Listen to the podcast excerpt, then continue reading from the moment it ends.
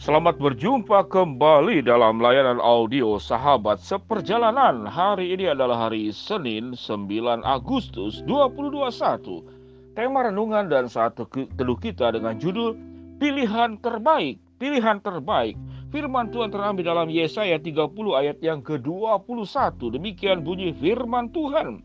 Dan telingamu akan mendengar perkataan itu dari belakangmu Inilah jalan, berjalanlah mengikutinya. Entah menganan atau mengiri, atau entah ke kanan atau ke kiri.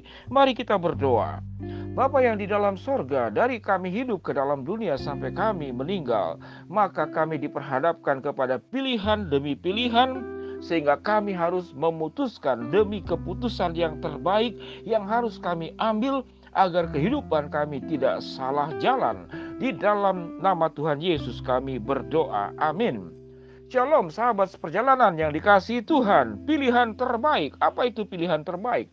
Seluruh aspek hidup kita tentu dalam doa dan harapan kita dan mimpi serta cita-cita kita kita melakukan pilihan-pilihan yang terbaik.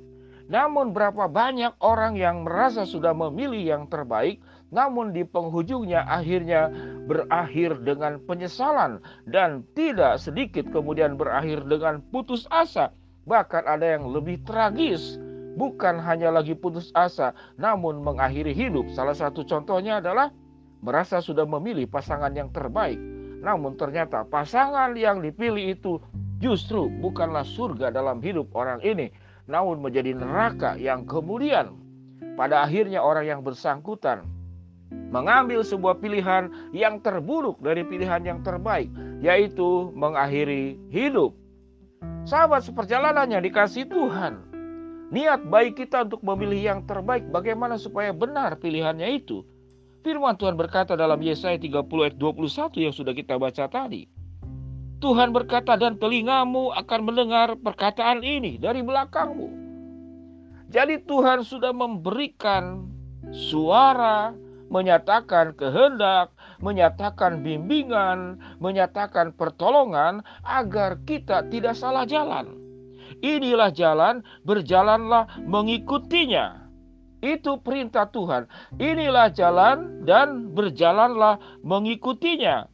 Entah ke kanan atau ke kiri. Artinya ada dua pilihan. Waktu engkau ke kanan, engkau benar memang memilih ke kanan karena itu yang Tuhan tunjukkan. Waktu engkau ke kiri, memang benar harus engkau memilih ke kiri, mengambil pilihan yang terbaik. Karena itu yang Tuhan tunjukkan. Benarlah doa Bapa kami yang diucapkan oleh Yesus. Jadilah kehendakmu dan bukan kehendakku. Yesus diperhadapkan kepada pilihan menuju ke salib atau lepas daripada cawan yang pahit ini. Dan Yesus memilih kehendak Bapa yang mengutus dirinya untuk menjadi juru selamat bagi dunia ini. Di tengah-tengah persimpangan pilihan, maka kita bisa memutuskan dan mengambil sebuah kesimpulan. Kalau itu adalah pilihan yang dipilihkan Tuhan dan sesuai dengan kehendaknya, maka itu pasti pilihan yang terbaik.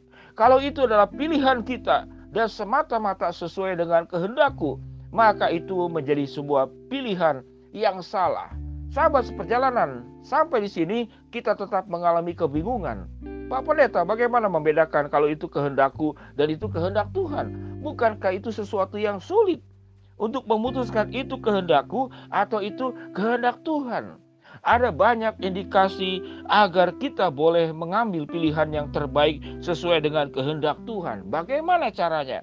Banyak sekali petunjuk-petunjuk di dalam Alkitab Tatkala kita memilih pilihan yang terbaik, itu yang berkenan kepada Allah seperti dalam Roma 12 ayat 1 dan 2. Persembahkan tubuhmu sebagai persembahan yang kudus, yang hidup dan yang berkenan kepada Allah, itu adalah ibadahmu yang sejati. Dan janganlah kamu menjadi serupa dengan dunia ini, tetapi berubahlah oleh pembaharuan budimu, sehingga kamu dapat membedakan manakah kehendak Allah, apa yang baik dan yang sempurna. Ini petunjuk. Jadi, Pilihan yang terbaik itu jelas pertama harus sesuai dengan kehendak Tuhan.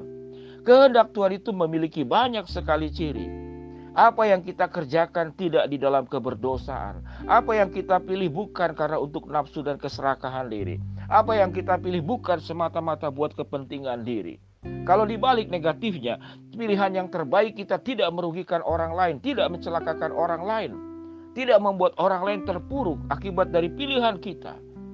Bukan untuk kepentingan pribadi semata-mata, untuk kerakusan, untuk keserakahan, dan kepentingan-kepentingan diri. Ada banyak pada saat sekarang, sahabat seperjalanan memilih masalah kondisi ekonomi yang sulit, dianggap itu pilihan yang terbaik mencari pinjaman-pinjaman dengan bunga tinggi, mencari solusi dengan seakan-akan gampang itu akan mudah didapat, namun pada akhirnya itu mencekik dan menjerat. Salah satu anak asuh saya berkata, Pak Wendy, saya mau kredit motor. Ini enak loh dua tahun. Saya katakan kalau engkau kredit motor dua tahun, harga motor yang engkau pilih itu harganya bisa satu setengah kali lipat. Kalau engkau kredit cuma satu tahun, maka harganya akan lebih murah. Kalau engkau bayar cash, maka engkau memang perlu uang segar, langsung harus membeli, namun itu harganya jauh lebih murah daripada kredit. Maka semuanya itu pilihan. Bagaimana caranya? Saya katakan lebih baik engkau tabung. Tabung sampai uangnya cukup, beli cash. Bersabarlah saat sekarang engkau berbagai macam cara untuk bisa tetap bekerja, tetap kuliah tanpa kendaraan motor, maka itu adalah pilihan yang terbaik menurut pandangan saya. Sahabat seperjalanan, apakah kredit salah? Tidak salah. Ada banyak perhitungan di dalam dunia ekonomi. Namun kalau kita berbicara tentang kehidupan yang jauh lebih penting tentang mencari pilihan yang terbaik, mencari pasangan hidup, mencari rumah, mencari pekerjaan, memilih katakanlah jurusan sekolah buat anak-anak yang uh, sedang mengambil sekolah. Bagi yang jomblo, apakah saya akan memilih hidup sendiri tetap seperti ini ataukah menikah? Kalau menikah, saya akan menikah dengan siapa? Siapa orang-orang ciri-cirinya? Kalau saya kemudian mencari rumah, kalau di dalam kota mahal, namun akses untuk ekonomi tinggi. Tapi kalau di luar kota itu murah, namun tetap mahal di dalam ongkos pulang pergi distribusi, katakanlah perjalanan dan segala macam menjadi sangat mahal. Hidup ini memang tidak mudah. Hidup ini diperhadapkan kepada pilihan-pilihan. Dan bagaimana kita bisa memilih yang terbaik? Alkitab mengajarkan. Indikasinya, sewaktu engkau memilih apa pun harus di dalam kehendak Allah dan bukan dalam kehendakku. Belajar untuk mendengar suara Tuhan apa yang terbaik, maka Tuhan akan bimbing kita. Setahap demi setahap kita tidak akan salah jalan. Firman Tuhan berkata dalam Yesaya 30 ayat 21 apa yang dikatakan. Dan telingamu akan mendengar perkataan ini dari belakangmu.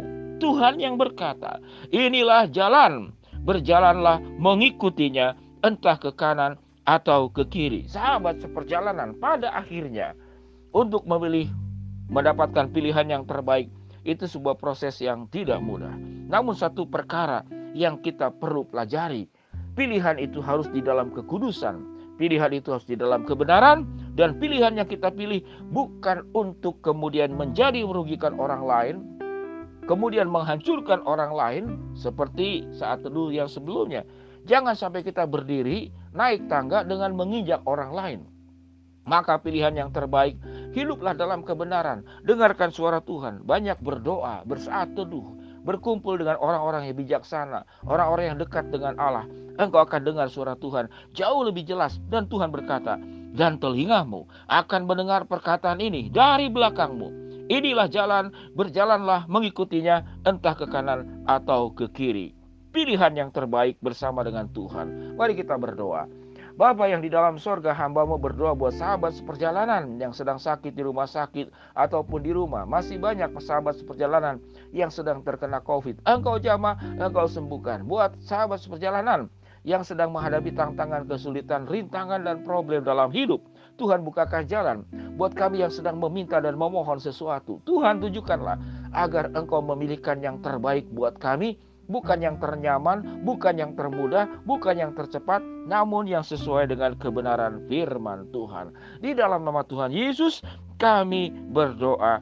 Amin. Shalom sahabat seperjalanan yang dikasih Tuhan. Selamat kembali beraktivitas di awal minggu hari Senin 9 Agustus. Tuhan memberkati kita semua. Shalom.